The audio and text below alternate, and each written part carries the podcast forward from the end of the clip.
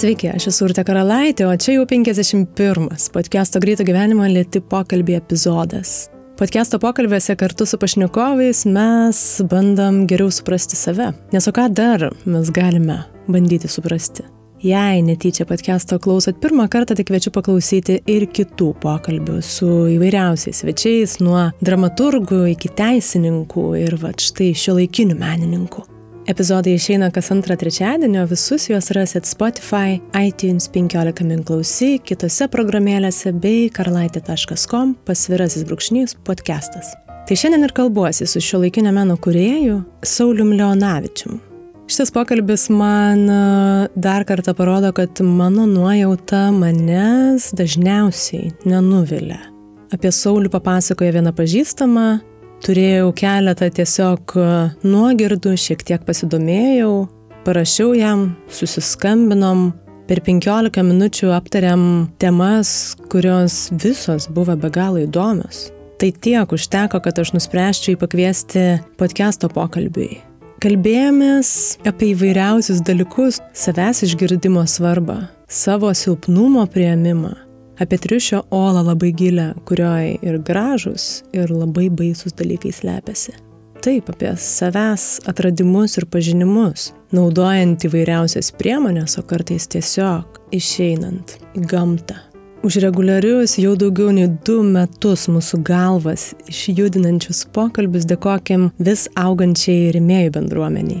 Šį kartą prie podcast'o Patreon draugų prisijungia klausytojai Aušra Ašmontaitė, Lina Savitskaitė, Staselė Jakunskaitė ir Vaida Šulcas. Negaliu nepasidžiaugti ir žmonėmis, kuriuos į podcast'o ir mano gyvenimą atveda būtent šitie pokalbiai. Tai neseniai reikėjo paruošti medžiagos podcast'o komunikacijai ir dirbome kartu su keletu podcast'o klausytojų. Fotografu Nerijum Kuzmitsku, grimo meistrė Gedrė Jarotskaitė ir tikriausiai visas idėjas galinčių įgyvendinti stilistės Monikos Solominės Might Like Costume Department buvo iš tiesų tikrai be galo gera ir įdomu dirbti kartu, kai jauti, kad ne tik idėjos, bet ir vertybės sutampa. Tai ačiū visiems, kurie vis jungiasi prie šitos mūsų bendruomenės ir aš tai matau kaip didžiulę podcast'o stiprybę. Nepamirškit patikusiais pokalbiais dalintis socialinėse medijose ir su draugais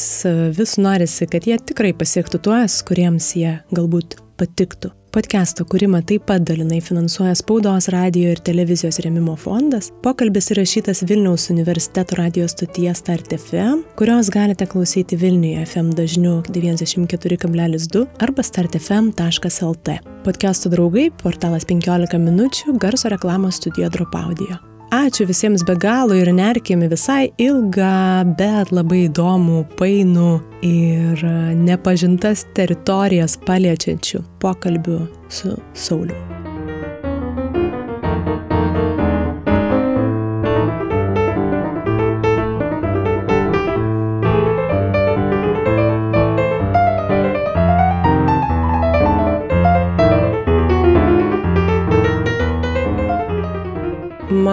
Įdomu pradėti gal. Janso TV, senas visai ten tavo monologas, išgirdau tokį tavo pasakymą, kad neturi būti pasiruošęs atsakymą į klausimus ir žinoti klausimų, nes, pavyzdžiui, tikrai būna pašnekovų, kurie norėtų taip visai saugiau jaustis ir klausia, ar nebaisu tada tam tikrą prasme susimauti ir pamatyti, va taip. Pamatyti, kad nežinai kažko. Ir kas galbūt būtų susimovimas tau prieš save. Aš šitą perveščiau į, į kitą šiek tiek sritį, į kūrybos ir, nu, grinai tos meninės praktikos. Daug metų savo sakydavau, kad aš netgi nedarau nieko savo studijoje ir nedarau apskritai, lik ir nedarau nieko savo, tol, kol neatsiranda kažkas, kas paklausia, ar tu norėtum sudalyvauti šitam projekte, ar tu norėtum sudalyvauti šitam, ten, nežinau, parodoj. Ir tuo momentu, kada man pasako, ar nori susidalyvauti šitą parodoje, aš va, tuo momentu pradedu daryti kažką, kas skamba visiškai ne, ne pagal įprastą modelį, kad menininkas kūrė savo studijoje ir tada jis atneša kažką parodyti bendruomeniai, visuomeniai aš turėjau ir puosliau ir labai tikėjau tuo tokiu akimirkos, e, tokiu dzenišku principu, kad man užduodamas klausimas, nes, sakysim, dalyvavimas parodoje yra kažkuria prasme klausimas, suformuota tema, užduotas klausimas ir tą akimirką aš sureaguoju į tą klausimą, bet aš nebūnu jam pasiruošęs. Ir būtent nepasiruošimas leidžia man būti autentišku, sakysim, gyvų ir visiškai e, atsivėrusiu tam akimirką nieko neatsinešu, esu tuščias iki klausimo, išgirstu klausimą ir tada ar išgirstu temą, jeigu tai paroda, jeigu tai projektas. Ir tada iš viso, kas aš esu iki tos akimirkos, iš viso, ką, kuo aš domėjausi, ką aš skaičiau, ką aš praktikavau, ką, iš ko aš susidedu, tą akimirką aš duodu atsakymą. Čia toks, aš žiūriu tame tą rytietišką tokį santyki, sugebėjimo tada išsakyti kažką labai, labai tikro, be, be pasiruošimo. Ir jeigu aš tada, kaip sakai, feilinu, nelietuviškas žodis, susikerta. O ką reiškia susikerta? Ta prasme, susikerta reiškia, kad uh, aš nesu toks šaunus, koks bandau būti. Tai reiškia, aš, aš parodžiau, kad aš neturiu kaukės tuo momentu. Reiškia, aš esu mirtingas, aš esu pažeidžiamas, aš esu silpnas, aš esu jautrus, aš esu kenčiantis. Aš manau, kad tuo akimirką parodau, kad e, aš neturiu pasiruošę šarų ir skydų, žinai. Ir, ir jeigu tu paklausai ir aš matau, kad aš esu per kvailas atsakyti į tą klausimą, tai e, aš galiu sutrikt, nu, išsigąst, o Dieve, koks aš kvailas, žinai, ir ką dabar apie mane pagalvos ir panašiai. Ir ką aš to parodau, kad gyvenu apsuptas e, standartų ir normų. Ir tos normos man kenkia. Būkim visi stiprus, visi būkim pasiruošę kaip temtos stygos, žinai, nes kodėl, nes kas į mus kažkas žiūri, tėtis, mama, Dievas, valstybė, kas visuomenė iš mūsų tikisi kažko ir mes turim visą laiką performint, mes turim būti šaunu, žinai. Prasme, o kas paskui liūdėsys. O pačiam tau tuomet ar yra, kur tu prieš save susimauni?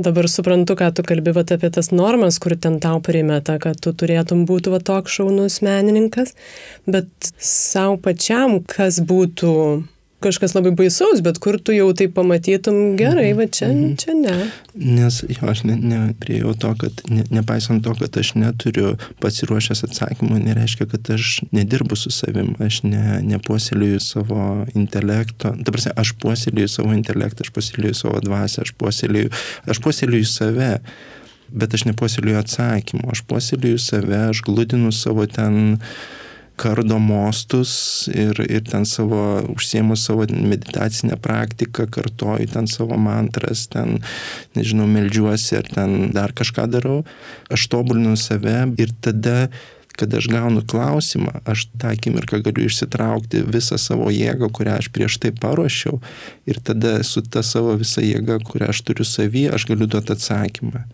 bet aš nesiruošiau atsakymą, aš ruošiausi tiesiog save. Ir, ir man tas labai patikdavo eilę metų, koks dešimt metų atgal, aš labai tuo tikėjau ir, va, kaip paminėjai tą Janso pokalbį, aš tuo metu tame buvau, kad e, ateiti į pokalbį nepasiruošus tam, kad uh, išbandyti save, bet iki tiek aš atsimenu, kad aš, ne, aš nesiruoždavau paskaitom, aš nesiruoždavau prezentacijom, tiesiog kažkas viduje sakydavo, nu nesiruošk, Ir, ir tada sakydavo, bet, nu, tikrai susikirsiu, nu, aš turiu kažką paskaityti. Ir kažkoks viduje velnas sakydavo, davai ne, davai pažiūrim, kas bus. Ta prasme, tik tu ten turi kažką, žinai, kažką tu ten turi ir kažkas tuo momentu manifestuos. Ir gal čia ir yra būdas nunert labai giliai, žinai, nes iš baimės, iš streso, adrenalinas šauna, tau reikia pasakyti ir, dieve, gal tikrai kiši ten tą ranką taip giliai ir ištrauksi ten tokį, žinai, brangą akmenį iš savo, iš savo sielos, kad, o, o jeigu ką, jeigu ruošies, gal tu tiesiog kažkas, nu, atsifutbolinau, žinai, daviau atsakymą, bet nebus nieko gyvo. Bet man patinka tas e, visai kažkaip apie silpnumą. Aš visai būčiau linkęs kalbėti apie silpnumą, nes pas mus yra ir ypač kultūrai, su kuria susiduria, nu, sakysim, menininkas, šiuolaikinis menininkas, yra daug konkurencijos ir panašiai. Ir, ir silpnumui, ir nepasiruošimui, ir nesugebėjimui jis kažkaip nėra vietos. man atrodo, kad silpnumas, jautrumas yra, yra svarbu, kaip neseniai čia vienam draugui pacitavau Laodze, kur sako, kad tvirtas medis lūšta, o plonas ir, ir lankstus išgyvena. Tai va tas silpnumas, man atrodo, yra kažkas, kažkas ką verta. Nes po to yra kas rūpestis savim, dėmesys savo, jautrumas savo, meilė savo, meilė savo silpnumui. Ne, būkim tvirti.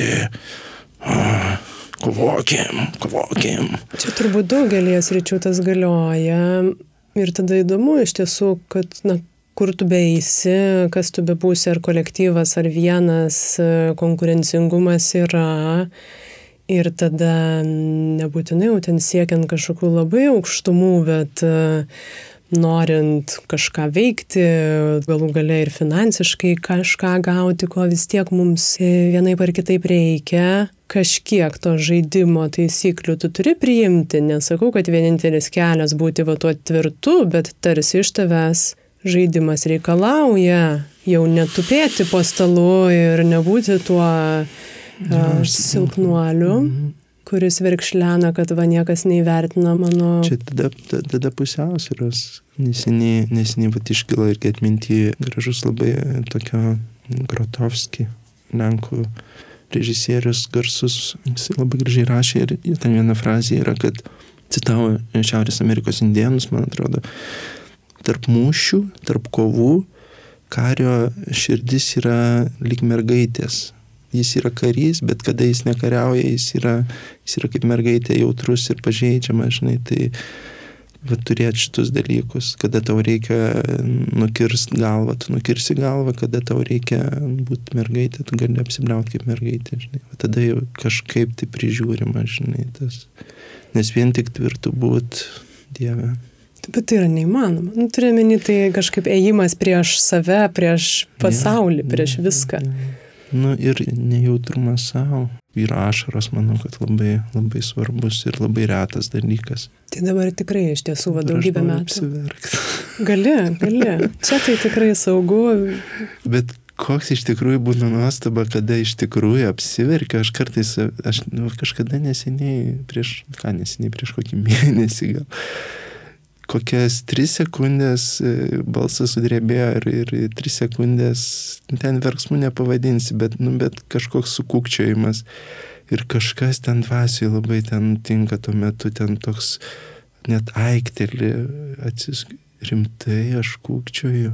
Atsilaisvina labai daug, žinai, kada gali paverkti. Aš norėjau sakyti, iš tiesų čia vatašaros yra jau tokia labai aiški išraiška, bet uh, kartais ten iki to ir, ir nereikia prieiti, kad tu tiesiog, jeigu tu leidi va tą emociją įvykti ir ar ten su vandens išraiška ar ne, labai išjauti, kaip tas išeina, kaip ten be pavadinsi, atpalaiduoja, ar bet e, gera iš tiesų ten yra būti. Man tai labai patinka jausti tuos momentus, nesvarbu, ar tai yra skausmas ar liūdėsys, bet tu va dabar esi su šitą emociją ir gal net, kai leidi tam vykti, tai viskas taip trumpiau, ramiau išeina ir išeina kad tai netampa kažkokiu vat, e, slopinamu daugybę metų dideliu juodu kažkokiu tai bagažu. Jo, tai gydo labai. Ir jeigu randi būdus, kaip e, tą ašarą išspausti, nebūdamas girtas, nebūdamas ten, nežinau, žiauriam konflikte, bet e, per kažkokią, nežinau, jautresnį santyki, kažką pamatęs, kažką pagalvojęs, tai puiku, kada nereikia visiškai ten save įvaryti kampą, ten prisiliuopčinai, kad, kad, kad pagaliau atpalaiduoti. Tu paminėjai alkoholį ir aš visai dažnai iš tiesų panašiais klausimais e, įsiveliu į diskusijas, nes alkoholis dažnai tampa tokia priemonė daugybė dalykų. Tai vad, ar atsipalaiduoti, ar emocijas atpalaiduoti, ar susikalbėjimui, daugybė tokių, net ir tom pačiom pramogom, paleisti. paleisti ir aš, aš taip asmeniškai labai giliai dvėjoju, ar tai yra tinkama priemonė, ypač jeigu kalbant apie emocijų išleidimą, kai tu iš tiesų pats samoningume, tuomet samoningai visą laiką slopini jas ypač vat, kažkokias sunkesnes.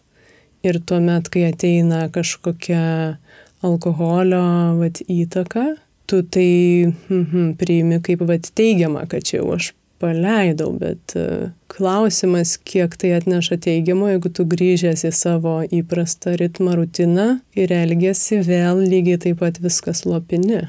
Gerai nuskambės, viskas gerai su alkoholiu. Tai gerai. Viskas gerai su tą alkoholiu, e, jeigu, jeigu moki gražiai jį įsipilti į taurę ir, ir gražiai tą taurę pastumti į šoną, kada jau jos užtenka. Žinai, čia kaip Kajoko yra eilėraštis gražus, kuris klausia, kiek reikia vyno išgerti. Ir per eilėraštį pasako, ten pirma taurė yra tam ir tam, antra taurė yra tam ir tam, trečia taurė yra tam ir tam. Ir tada pabaigia eilėraštį, kad bet paprastai arba lašo pritrūksta, arba statinę per daug išgeriam, žinai. Jeigu žiūri tai kaip į kultūrą, tai e, taip, žinai, apibendrint aš nesimčiau. Tam jis ir skirtas, tam žmonės jį ir iš, išrado, kad, e, kad jis nuveiktų kažką, kas reikalinga, žinai. Tik tai po to išsidarko, kažkaip, sakysim, pamirštama, kaip naudot kaip prieš tai sakiau, Pietų Amerikoje, kiek man teko patirti, yra ritualai, kur yra įprasta žinoti, kad ten, sakysim, šamaniškose praktikose yra naudojami tie sąmonė keičiančios medžiagos, vienokios ar kitokios, jos aišku visą laiką yra, kas yra svarbu suprasti, jos yra, jų santykis su jom yra kaip su sakraliom ir panašiai jos yra dedamos ant altoriaus, kas tai bebūtų ten, ar, ar ten kaktusas, ar grybai, ar javaska, ar ten kuris, kuris bet kuris kitas e, šamanų naudojama medžiaga, jinai pirmiausia yra didžiausiai pagarboje ir, ir man buvo visai nuostabu pamatyti, kad tiek pat yra alkoholis dedamas ant altoriaus. Tai prasme, lygiai šalia visų kitų e, augalų, kurie vadinami mokytojais, kurie vadinami ten didžiausiai, didžiausiai pagarboje centre laikomi ir stovi vyno butelis, stovi, stovi ten Romo butelis ir šamanas dirba su jais. Bet ką tu ir paminėjai, tai čia ir tos pagarbos klausimas, tai mhm. medžiagai. Taip. Nes aš tai visiškai, bet to pasigendu, man atrodo, tai matoma mm. tik tai kaip produktas, kurį dažniausiai reikia greitai suvartoti, kad kuo greičiau tas poveikis atsirastų, tai apie pagarbą ten turbūt ir negalima kalbėti.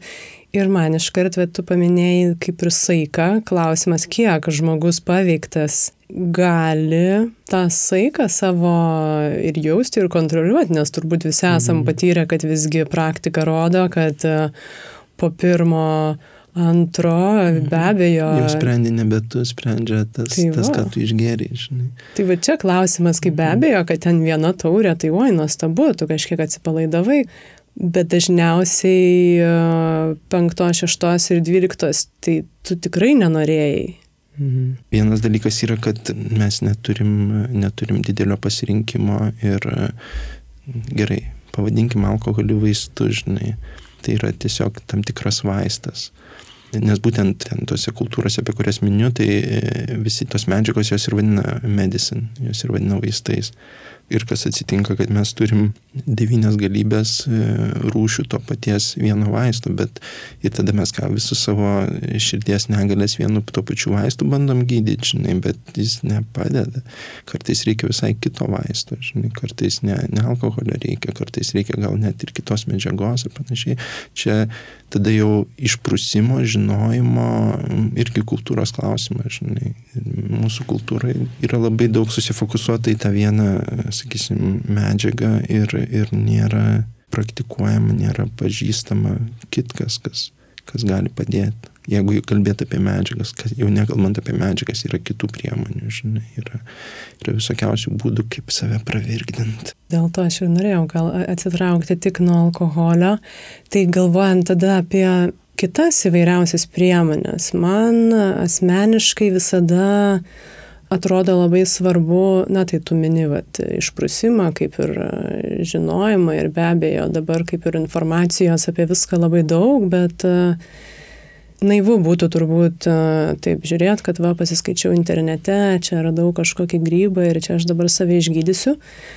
Man asmeniškai visą laiką atrodo, kad čia yra labai svarbi mokytojo pozicija ar to žmogaus, kuris ten tave veda, nesvarbu kokį gydimą, su kokia medžiaga. Kaip tu tą matai, nes aš tikrai va, esu girdėjus daugybę tokių nesėkmingų kelionių ir, ir didelę dalimi aš matyčiau, Tai be abejo žmonių nežinojimas, bet tu pats visko kaip ir suvokti negali, tai va to kažkokio tavo vedlio mhm. atsakomybė ir kaip jį pasirinkti, rasti.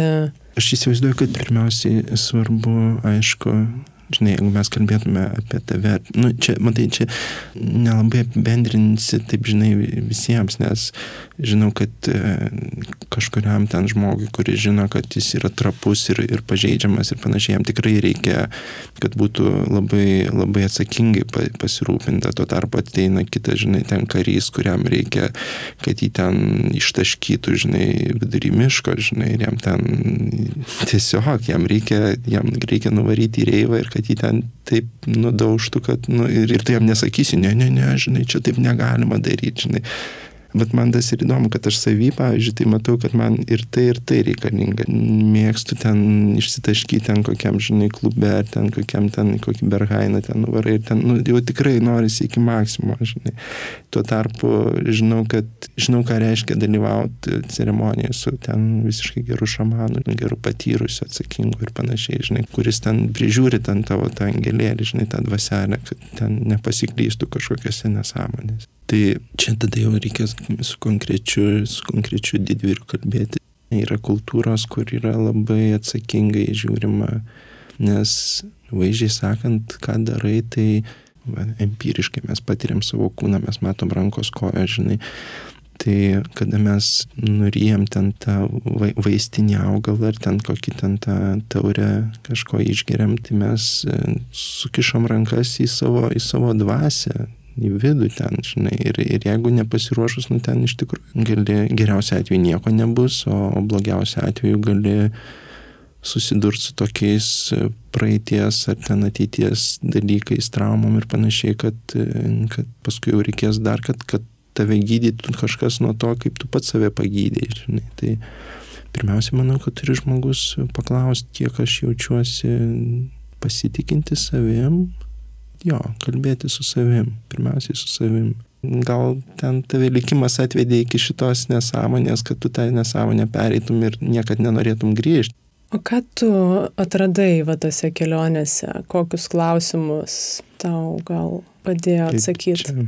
Ypač gal pirmieji, jeigu tu kaip, sakai, kad... Kaip, kaip, kaip populiari frazė yra, atradau, kai gili yra e, triušiola, atradau didelę, didelę šachtą, kur keliauti yra, kur yra gilis. Yra, paprastai sakant, atradau, kad yra toks dalykas kaip dvasia.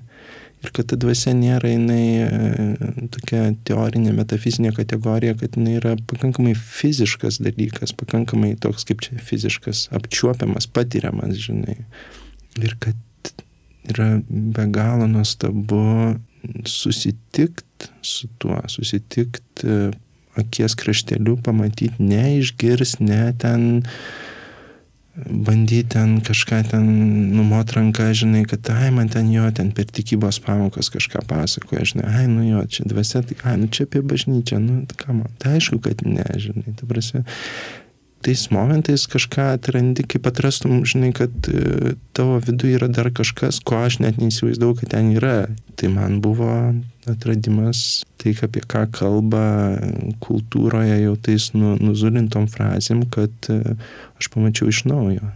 Tokia forma susidūriau su tuo, kuri mane tiesiog parbloškė, nustebino, bet to, kad turim save suvokti kaip bendruomenės, kaip, kaip socialius, kaip, kaip turinčius atsakomybę, ne kaip individai, bet kaip gerbimas mažykis sako, kaip dividai, kaip, kaip kažkokie tai, kad mes nesam izoliuoti, kad visą laiką esam santykėje su, su viskuo, ne tik su žmonėm, bet su, su, visu, su visu kosmosu.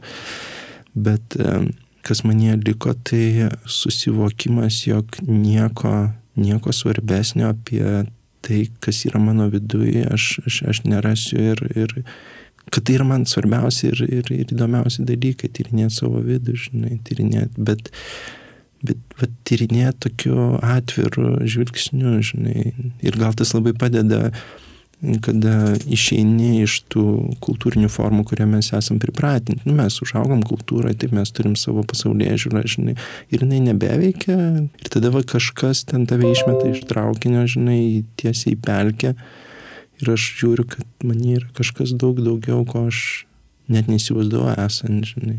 Ir kitas dalykas, aišku, kas labai įkvepia, tai supratimas, kad dvasia tai ne gėlytės ir ne ir ne vienaragiai, ir ne, ir ne vaivorykštiniai poniai.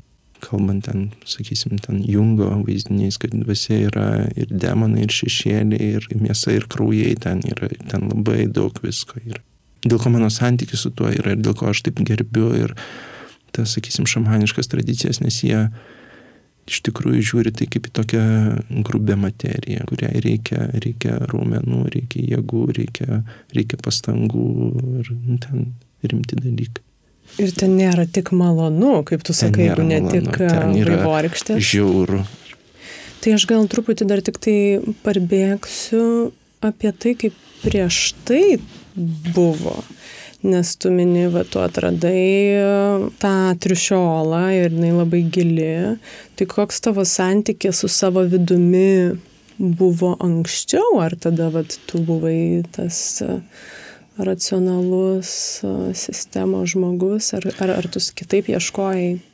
Ta prasme, aš vis tiek buvau menų sferoje ir, ir menų scenoje ir panašiai, bet e, daug dalykų, kurie yra svarbus dabar, buvo tiesiog ne, ne, neegzistavo, žinai. Buvo karjera, svarbu darbas, gerbuvis, e, šitie dalykai man yra svarbu ir dabar, bet, e, bet šalia jų nebuvo visų džiunglių, vidinės džiunglės buvo visiškai ne, netyrinėjamos. Ta prasme, maksimum kiek prieini, tai yra, jeigu jau kalbėt, žinai, kiek ten giliai nueini, Tai, nu taip, ten meditacija, kad ten pusiausvyrą, kad ten nusiramint kažkiek, žinai, kad ten kažkaip grįžti į balansą.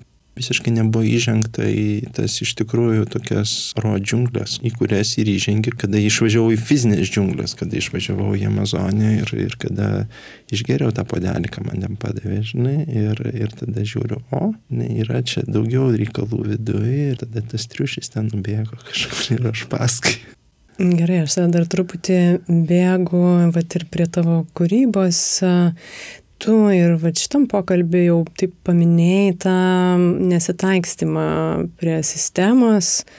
Tai man įdomu, kaip tu ir už kūrybos ribų tada kuri tą savo santykių su sistema, kuri yra, kuri egzistuoja ir kaip su tuo žaidi žinai, kaip pasakyti, nesitaikstymas su sistema, aš kažkaip iškart pagalvoju, vis tiek su kažkokia sistema taikstysies, tiesiog kokią sistemą pasirenki, žinai, kuri sistema, kaip uh, sako mano labai mėgiamas Jūdži Krišnamurti, yra toks veikėjas buvęs, kad tu visada kažkuo tiki, negali netikėti ko nors nu, nėra taip, kad tu kažkaip gali nustoti tikėjęs kažkokiu dalyku. Jeigu tu nustoji tikėti vienu dalyku, tu tą pačią akimirką pradedi tikėti kitų dalykų ir sąmonė, protas negali egzistuoti be sistemos. Ir jeigu aš atsijungiu nuo vienos sistemos, tik dėl to ir atsijungiu, kad automatiškai prisijungčiau prie kitos sistemos. Ir, ir be tikėjimo tu tą akimirką griūni negyvas. Tu neegzistuoji be sistemos. Visada mes esam prijungti, tik tai klausimas, prie ko prisijungi, žinai arba prie kelių dalykų prisijungi, arba persijunginėjai nuo vieno prie kito, tada jau prasideda, va čia ir yra ta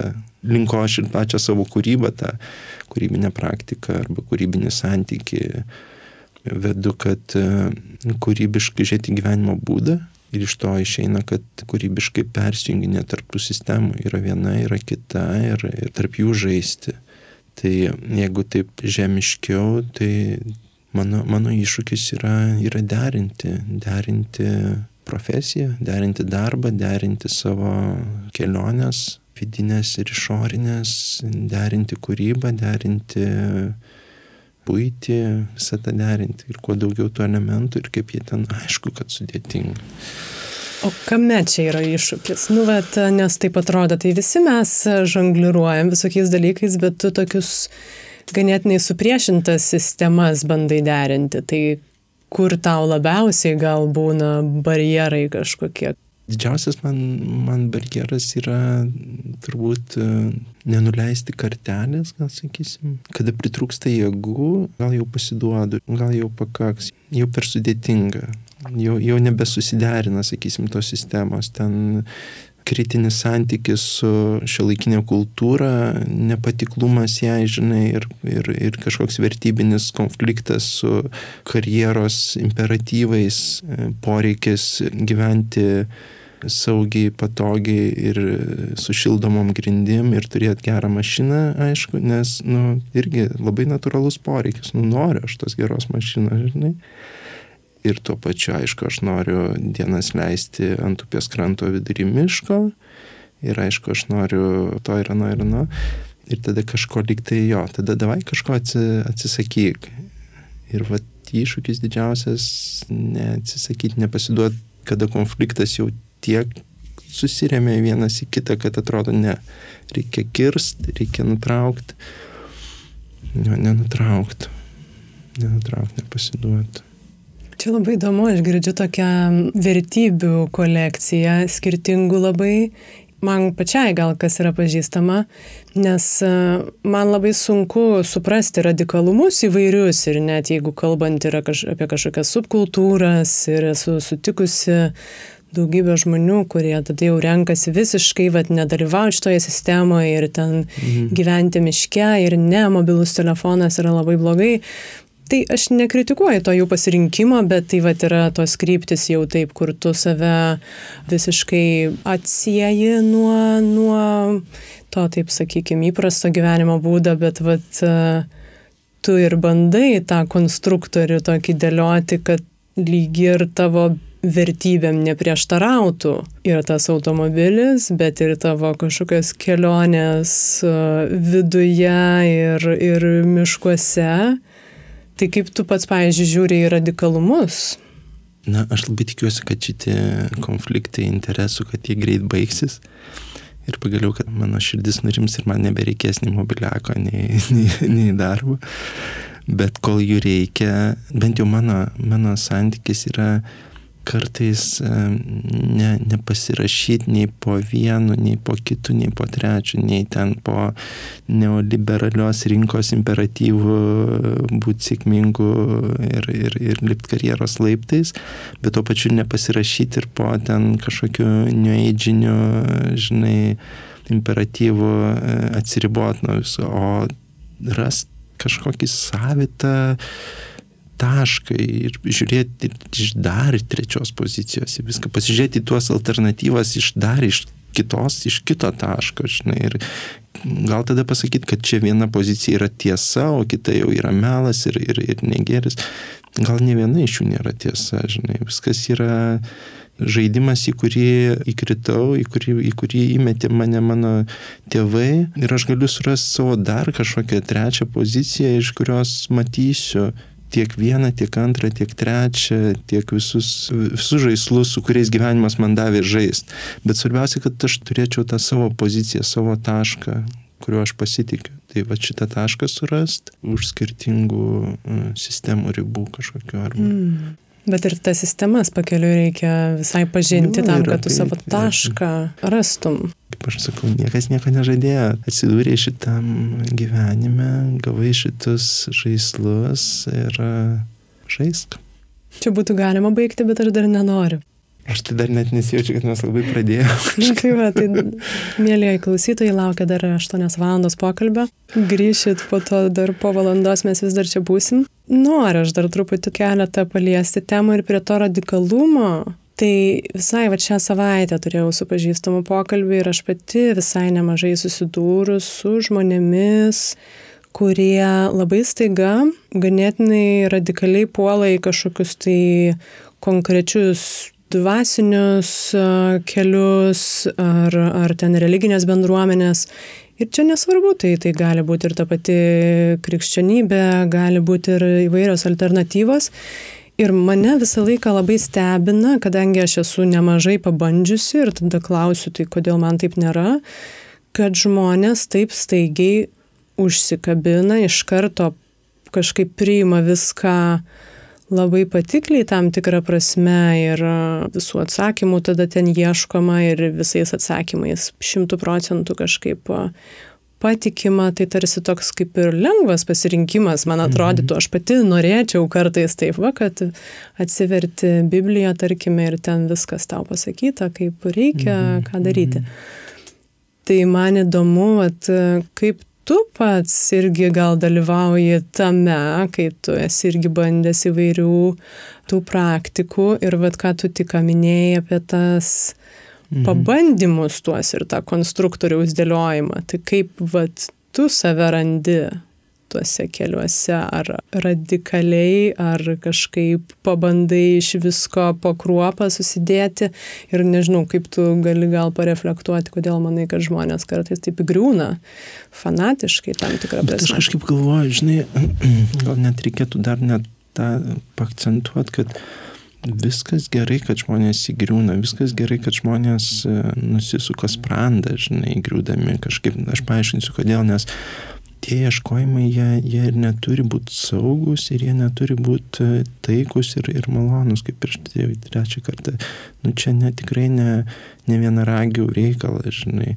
Jeigu ten susidėjai su sekta ir jinai ten, nežinau, visus tavo santaupas pavogė, nu tai matyt, tau to reikėjo kelias iš tikrųjų yra, yra paslaptingas ir sudėtingas. Ir čia man labai patinka James Hillman pavyzdys, kuris jisai sako, perfrazos, jis netaip sako, bet, bet idėja tai yra, žinai, jeigu, jeigu važiuoji su mašina ir papuoli į avariją, tai pirmas klausimas yra, ką tavo siela to bando pasakyti, žinai. Tau atrodo, kad čia, žinai, išorinės aplinkybės, nesėkmė ir panašiai, bloga diena, ir ten koks nors ten, žinai, sunkvežimis netem pasuko, žinai, jisai sako, stop, stop čia nei sunkvežimis, nei bloga diena, čia tavo sielas su taim kalbasi, žinai. Ir jinai kalbasi, nu, grubiai. Jeigu tau tikrai kažkas ten įvyko netvarkoj, tai kam atrodo netvarkoj? Žinoma, tavo šeimai gali atrodyti, tavo bendruomeniai gali atrodyti, kad tu jau čia grybauji seniai, žinai, jau tu čia kažką čia nesusitvarkyk, žinai. Tie nesėkmės, tie gliukai, tie tos nesąmonės, jos, jos tikrai reikalingos. Aišku, jeigu mes pradėsim dabar apibendrinti ir sakyti, tai, tai tada viskas yra gerai ir panašiai ir panašiai. Kažkada čia net suformulavau tokią savo mintį, kad apskritai mes negalim apibendrinimų dalyti, mes galim kalbėtis tik tai apie tave ir mane. Ir, ir, ir apie savo konkretų gyvenimą. Nes jeigu, nu, bandom apibendrinti, mes, mes aišku prikalbėsim pievų, žinai, bet kažkaip net tada aš atsimenu savo pasakiau, kad apskritai tada klausimas kaip yra su politika, žinai, kad nes politika visada yra kažkokie apibendrinimas, tai yra, nu, ta bendruomenės klausimas, tai bendri, bendri sutarimai. Ir man taip atrodo, kad e, reikia būti labai, labai konkrečiu, apie labai konkrečius dalykus kalbėti, apie labai konkretų žmogų. Ir tada, ir tada va tokia medija kaip radijas, jinai tampa tokia kaip ir, žinai, kaip mes galim kalbėti su visais, tada mes turim kalbėtis vienas su kitu, tik tai, žinai, ir kalbėtis apie tavo konkrečią istoriją, mano konkrečią istoriją, bet mes negalim nieko apibendrinti. Nežinau, nuklydau viškai, bet. Ne, bet tu teisus ir čia geras pastebėjimas. Aš, aš esu linkusi į labai plačius klausimus. Tai mhm. reiškia, kad vat, aš tarsi noriu, kad tu paklaidžiatum vat, tose pievose truputį ir tiesiog pamastytum plačiau, mhm. bet aš visiškai sutinku, kad plačiau kartais yra ne, neteisinga. Ir tai, kad be abejo mes viens su vienu dabar kalbamės, man kas čia patinka, kad mūsų klausosi ant tų nematomų sofų, čia susėdė žmonės, bet jie klausosi. Kiekvienas iš savo, Taip. savo vidaus jo. Kiekvienas suranda savo tašką, kur prisiliečia. Tai ir šitam mhm. pokalbį. Mhm vienas žmogus kažkur susitapatina su tavim, o kitur visiškai atitols, po to mhm. vėl gal priartės. Mhm. Mhm. Tai aš suprantu tą, vat, ką tu sakai, tik tai man taip visą laiką atrodo, kad kuo daugiau vat, tokių pamastymų, ypatingai visiškai priešingų mūsų matymui, tuo daugiau mes galim irgi vat, ir tų uolų visokių atrasti ir, ir savo, jeigu tu, pavyzdžiui, to taško nesi dar iš vis užčiuopęs. Mhm. Ir staiga tu išgirsti ir ten jauti kažką viduj, kad uh, juda. Mhm. Man dabar tokia keista mintis, kad kas yra netiesa ir, ir, ir, ir žmonės tikrai neklausykit, ką aš kalbu, nes kalbu vėl bendrybės tikriausiai, bet labai, labai arti yra tuos dalykus, apie ką kalbu tą, sakysim, dvasę. Jis yra taip arti, kad jos visiškai nereikia ten giliai ieškoti, ten užtenka tiesiog kreiptis į save, užsimerkti. Vienas sakinys, vienas žodis, viena mintis ir tu jau ten labai arti tie svarbus dalykai yra ir kad nėra ne, ne kosmosas ir ne ten didelis dalykas yra kažkaip iki jų prieiti, ką galbūt, nežinau, suformuoja mums kultūra, žinai, kartais ta, kad, oi, ten reikia labai ten stengtis. Pradėti galima nuo labai, labai paprasto pokalbio su savimi viduje ir tada klausytis, aišku. Aš įsivaizduoju, kad kas čia ir kiša turbūt koja dažniausiai, tai kiti balsai, kurie. Taip, norminiai kažkokie balsai. Tai nesvarbu, kuriuo klausimu, ar, ar ten verkimo, ar kažkokiu kitu, kad ir kaip tu ten bandytum ir jau gal sauliaistum prisiliest prie savęs, bet tau greitai ateis tie kiti, kurie... Kurie daugybę metų investavo į tai, kad tu jais tikėtum ir jie taip lengvai tavęs nepaleis. Bet ir daugybę metų, tai čia turbūt ir daugybę kartų. Daugybę šimtmečių. Taip, jo, taip, tai tą visiškai galima suprasti, kad vat, tas keblumas prisilietimo prie savęs, va čia ir atsiranda turbūt. Aš dar truputį noriu tada pribėgti prie bendruomenę, truputį paminėjai, bet tu ir šią mhm. vasarą praleidai bendruomenėje, miškuose, ar ne? Tai aš, kadangi ir pati esu tokių patirčių turėjusi, ne pačių geriausių dėja, man įdomu, vad kaip tu matai tą daugybę žmonių ateina su savo ego ir ypač šiandien ne tik šiandien šiais laikais tas individualizmas kaip ir skatinamas yra ir į mhm. bendruomenę ateinantys žmonės be abejo jie jau kiek įmanoma sąmoningai stengiasi nusimesti tą vat irgi tokį norminį kiekvienas už save, bet mes ateiname su mhm. savim. Kaip va ten sekėsi jums ir kaip tau pačiam sekasi būti dalimi visgi? Aišku, lūkestis, kad, kad būtų viskas e, sklandu ir, ir, ir nėra niekas sklandu. Kiekvienas yra ten skirtingas, e, skirtingas augalas, skirtingas kosmosas, skirtinga istorija, skirtinga atmintis ir, ir kiekviena diena su savais iššūkiais ir savais konfliktais ir gerai, gal daugiau apie, apie ką tu paminėjai bendruomenę, tai jinai tokia labai gal net ir spontaniška, intuityvi. Gerai, nuo ko viskas prasidėjo? Gal, gal tai bus iškiau. Gegužės mėnesį, kai baigėsi jau į pabaigą likti ir karantino, ta pirma banga buvo ir su manim, nes buvo tie izolacijos ten tas laikas toks labai e, liūdnas ir su manim, kad reikia padaryti, su draugu draugas pasiūlė iš tikrųjų padaryti vyrų ratą vyrų ratas yra, kada susirenka tik vyrai ir, ir pasišneka, kaip jiems sunku su jų žmonom, žinai. Čia šaržuoju, bet pasišneka apie, apie savo gyvenimą tik vyrų rate, žinai. Ne, ir kažkas, va tas e, lyties, kažkaip tas e, vientisumas, e, kad tik vyrų, kažkokį jis turi ten savo tos magijos ir kažkas ten daugiau atsitinka, negu jeigu būtų mišrus ratas, žinai. Mes, aišku, ten nesigilinam į ten kažkokius ten, tokius jau ten, žinai, kodėl čia tik vyrų ir panašiai, bet kažkodėl tai suveikia būtent, kad tai yra, nu, galiausiai vyrų ratas yra skirtas tam, kad pirmiausiai aptarti, kas yra vyras, kas yra vyro tą, nežinau, kategoriją ir vis, visus, visą problemiškumą, ką reiškia būti vyru ir taip toliau, ir taip toliau, žinai. Tai susirinkom mes, e, paskelbėm, kad darom vyrų ratą prie šalčios upės miške, Dzukijoje. Beveik visi nekalba nei apie savo žmoną, nei ten apie kaip jam ten sunku gyvenime ir panašiai, bet dėkoja už tai, kad tiesiog atėjo čia ir atsisėdo rate. Ir, prasme, ir aš, aš nesupratau ir galvojau kažkaip, man, ta prasme, negi kažko įdomesnio negalim pasakyti. Ne, visi iš eilės vien tik tai dėkoja, kaip jiems reikėjo šito, va tiesiog fiziškai susijęs ratu, žinai. Ir, ir man čia buvo, aišku, paskui ten buvo ir dar gražesnių visokių dalykų, bet mane labai nudžiugino, nustebino, kad tiesiog, va, toks e, intencija atvažiuoti, intencija susijęs ratu ir e, pajautimas, kad tokie paprasti dalykai kaip e, sėdėjimas ant žemės aplink ugnį vienam rate, jie pažadina procesus viduj, žmonės nesitikėję, kad kažkas ten jiems atsipalaiduos, kad jie pasijaus gerai, kad jie pailsės, jau jiems vien nuo to paprasto sėdėjimo ant žemės aplink ugnį naktį su dar 30 vyrų, jau jiems vyksta dalykai kažkokie. Tai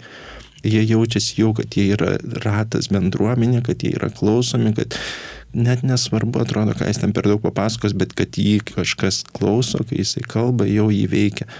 Tai čia ta pradžia ir mes uždegėm ugnį, vyrų ratas baigėsi, baigėsi ryte pirtim, mes ten tokią indienišką pirtį e, pravedėm, aš pravedžiau. Pastatėme tą pirtį iš, iš, iš, iš šakų ir visi vaikščiojo, išsivažinėjo ir ugnis liko degt. Ir, ir ugnis liko degt visą vasarą. Aš likau toje vietoje, toje stovykloje ant kranto. Dar tada net nebuvo stovyklos, pastatėm kemperį, palapinių ir priemėm sprendimą, kad visą vasarą neges ugnis šitoje vietoje. Kad mes ją dieną, naktį, kad ją kuriansim. Ir aš likau ten vienas pradžiai, kitą rytą pažadino vietiniai sakė, dink iš čia, susirinkė visą šitą savo nesąmonės ir dink iš čia. Aš ten per porą valandų ten kažkaip išsiderėjau, kad gal mes vis tik taikiai čia bendraujam. Jie niekad ir negrįžo, bet e, visą vasarą mes darėm šitą eksperimentą, ką reiškia nuolat kurianti ugnį, prie upės, 50 km nuo Vilniaus, nuolat keičiantis žmonėms. Ir va ta bendruomenė, apie kurią tu pasakai, tai ir buvo tie žmonės, kurie randa laiko, susiorganizuoja savo dieną taip, kad jie galėtų atvažiuoti ten ir parą, ar dvi paras, ar savaitę laiko pabūti ir išvažiuoti. Ir visiškai ignoruojant, e, sakysim, nekreipiant dėmesio į prasmes, reikšmės ir, ir, ir, ir kažkokius idėjinius, ideologinius dalykus, ką reiškia ugnis, ką, kodėl jinai dega. Visi tie dalykai egzistuoja, bet jie liko kiekvienam nuspręs savaip, kaip, ką tu nori toj ugnį matyti, tą tu matyk. Svarbu, kad jinai degtų. Mane labai inspiravo inspiravo šitas eksperimentas. Ta prasme, grinai, va, tai bendruomeninis eksperimentas, kaip padaryti ir kas iš to gaunasi. Ir, ir kaip susikūrė ta bendruomenė. Ir aišku, toje bendruomenėje susi, atsiranda kiekvienas, kaip tu sakai, su savo ego ir su savo, aš sakyčiau, su savo tripu, žinai. Ir kaip tie skirtingi tripai, kaip tie skirtingi ego, kaip jie sąveikoja, kaip jie vienas kitą paveikia, nėra jokios ten didelios bendruomenės. Yra, bet yra labai gražu tas margumas ir, ir skirtingumas žmonių, žinai. Ugnis dega iki dabar, va dabar va, važiuosiu aš ten ją pakuriant, vakare susirenka dar krūvelį vyru atvažiuoja, kuriuo aš nepažįstu, nes jau žmonės kažkaip atrado ir, ir rytoj mes darysim pirtį jiems, sekmanį dar žmonių atvažiuoja ir Tu dabar čia į eterį visą tai sakai, tai dabar visi atvažiuos, tai, kas tave prieš tai, tai jeigu atvažiuotų žmonių dar ir važiuotų ir važiuotų, tai gal mes juos ir neužgesintume. Taip, bet iki šiol dabar kažkas irgi ją kūreno. Jo, jo, jo, jo. Ir, ir čia buvo labai tas, kad visą vasarą daugiau mažiau aš ten vienas buvau, žinai. Nu, ne vienas, atvažiuodavau, bet aš buvau tas, kuris pagrindinis, nu, bet kuriu atveju, jeigu ką, tai Saulis ten yra, žinai, Saulis prižiūri. Nu, aš pasakiau savo, gerai, kūrenam šitą ugnį per vasarą iki rudens. Ir atėjo ruduo ir aš parašiau E, mėlyjeji, vasara praėjo, man yra reikalai mieste, aš išvažiuoju, žinai. Ir nu, ką darom? Nu, ta prasme, ugnis baigiam, ugnį užgobėm, nu, jinai baigė degti. Ir tada balsai, ne, ne, ne, niekur, niekur, ta prasme, gerai, važiuok. Ir aš tai, palaukit, Hebra, tai aš išvažiuoju, tai kas nors atvažiuosit. Ir, nu, tai gerai, tai aš važiuoju. Ir tada Ir tada, kas man buvo nuostabu, nes man atrodė, aš atsitrauksiu ir namelis, žinai, tipo, ne, ne, ne, neveiks. Ne, būtent man reikėjo atsitraukti, kad kiti pradėtų veikti. Ir aš net pamačiau, kad kol aš ten, žinai, užsispyręs, aš čia viską vienas padarysiu, prižiūrėsiu, viskas čia bus, žinai, nes čia jeigu ne aš, tai čia, hm, tai būtent, kad kai aš ten tą, žinai, tokį savo irgi ego biški tripą laikiau, žinai, tai, tai ten kiti žmonės kažkaip taip atvarydavo, žinai, aš tik dingau, tada kiti pradėjo iš karto. Tai, žinai, tai va tas yra, kad atsitrauki, duodi erdvę, leidi kitiems veikti. Ruduo yra iššūkis. Tai jeigu tas visas tęstusi ir ne dėl bendro kažkokio tai sutarto idėjos, kad mes visi turim ten tą, žinai, kažkokį ideologinį tašką, bet iš idėjos, kad ar gali būti bendruomenė, kuri save organizuoja va, dėl tokio visiškai neracionalaus tikslo - palaikyti ugnį miške. Man tas labai įdomus, kaip miestiečiai gali save suorganizuoti, kad daryti tokį Bet tu sakai, neracionalus tikslas, bet aš vat nuo pat pradžių, kai tu pradėjai pasakoti, aš tą ir pamačiau kaip jūsų centrą, kad, kad bendruomenė ir kūrėsi dažniausiai su kažkokia užduotim. Jo, jo. Tai vat net jeigu tai ir buvo, na, yra neracionali galbūt, bet jinai yra labai aiški ir paprasta ganėtinai, tai natūraliai taip ir, ir važiuoja. Ir, ir kaip tu sakai, va dabar aš išvažiuoju, tai viskas išjungiam. Nu truputį skauda širdį. Ja, Nes ja, tai ja, čia mes dabar ja, šitiek dirbam, ja, tai ja. negi mes dabar paleidžiam. Tai tu va dabar pa- papasakai čia apie irgi tokį ganėtinai spontanišką atradimą, ar ne? Na, atradimą ir, ir tų žmonių, bet ir, ir savęs turbūt per tos žmonės. Ko tu ieškai toliau, kaip tu vat, brėžiesi savo kažkokias kryptis. Be abejo, spontaniškumas yra irgi žavinga, bet e, kokie tavo klausimai kyla dabar, kuriems tu norėtum paieškoti dar atsakymų? Kas man yra dabar svarbu, tai rasti būdus, kaip puoselėti tai, ką aš vadinu dvasę, ką vadinu savo vidum, savo, savo vidinę tą tikrovę, savo vid, vid, vidum, rasti, kaip tai puoselėti per labai paprastus dalykus, per um, tokius netgi fizinius, arhaiškus, labai elementarius, paprasta gyvensena, sakysim, tas, uh, sakysim, ta pati ugnis, šaltas vanduo upiai, miškas, naktis. Kaip per visą tai aš galiu prieiti iki savo vidaus, tyrinėti, pažinti save. Jeigu mes pradžioje kalbėjom apie psichodeliką e, ir per tas tokias, gan sakysim, labai išdirbtas technikas, turinčias tradiciją, ten šamanišką tradiciją ir panašiai, tai mano, mano dabar e, ką po šitos vasaros, prie ko aš prieėjau, tai man, man reikia paprastų labai, labai priemonių, labai net, net, netgi paprastesnių negu, sakysim, ten psichodelinė kultūra, bet tokių, tokių dar, dar, dar, dar labiau ro, dar e, elementaresnių, nes mano nuojauta ir, e, ir vizija mano viduje yra apie tai, kad e, į savo tą vidinę tikrovę galima nueiti per, per gamtą, per, per buvimą gamtoj, per santykį su gamta, nepadiktuotą santykį, mano paties atrastą santykį su gamta, su, su pirminiais elementais. Vanduo, šaltis, naktis, diena, vienatvė, tyla, baimė, tamsa, kaip per visus šitus išgyvenimus, potyrius aš keliauju į savo vidų. Kaip aš per juos pažįstu save ir kažką keičiu savyje. Pirmiausiai užmesgu ryšį, kontaktą, pokalbį su savim, išgirstu save, o po to darau kažkokius tai pokyčius, prieinu pokyčių, kas man trukdo, kas yra mano sunkumas, kaip aš visą šitai galiu prieiti per nepatogų, šaltą, šlapę, tamsų, kietą gamtą. Miestas ir triukšmas tam trukdo. Kažkaip, nežinau, mieste aš, kiek aš bemylėčiau miestą ir miesto kultūrą ir kiek man jo reikėtų ir kiek man būnant gamtoj norisi miestą ir panašiai, bet šią vasarą aš kažkaip e, atradau, kad ne, gal ir yra kelias per miestą, bet bent jau ne, ne, mano, ne mano iššūkis, ne mano ambicija dabar ieškoti jo. Mm, Ne, ne, ne. Aš atsimenu, mane paauglystėje kažkaip vadino mokykloje, dar dailės, dailės mokykloje, kai mokinausi, kažkas man pravardę darė, davė primityvas. Ir aš kažkaip tada labai ten kažkaip sureagavau, tipo, o dabar aš tą prisimenu ir su tokiu pritarimu, jo, aš man patinka primityvus dalykai, man patinka. Čia, čia jau mano, čia mano kelias, čia niekam kitam nėra. Gal kažkam tas irgi suprantama, bet aš kažkuria čia vasaros momentu plaukdamas šalčia turėjau tokį supratimą, kad dvasiškai aukti, nežinau, čia tas dvasinis augimas toks yra biški trikė, trikė konstruktas, bet sakysim, panaudosim. jį. Dvasiškai aukti reikalingi iššūkiai, nu tokie gan, gan, gan, gan stiprus iššūkiai. Ir mano plaukiant šalčia su tą valtim, kapanojantis ten per dumblą, supratau, kad e, geriausi iššūkiai yra būtent tie iššūkiai, kuriuos mums duoda gamta.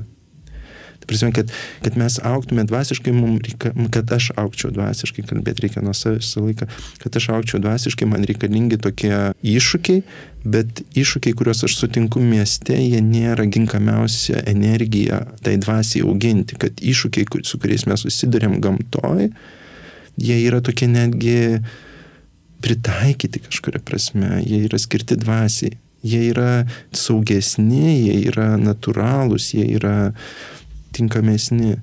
Miestas jis yra, aš ta prasme, belia kaip gerbiu žmogų, kuris gali savo auginti, auginti savo dvasę mieste, aš man ne.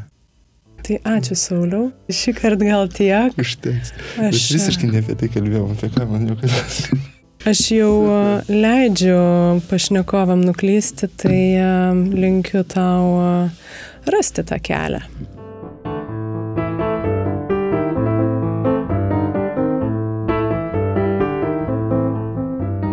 Ačiū, kad klausėtės. Tai, kad su Saulium užsikalbėjom tikrai visai ilgai, tikriausiai rodo, kad mane tikrai painėjo jo pamastymai.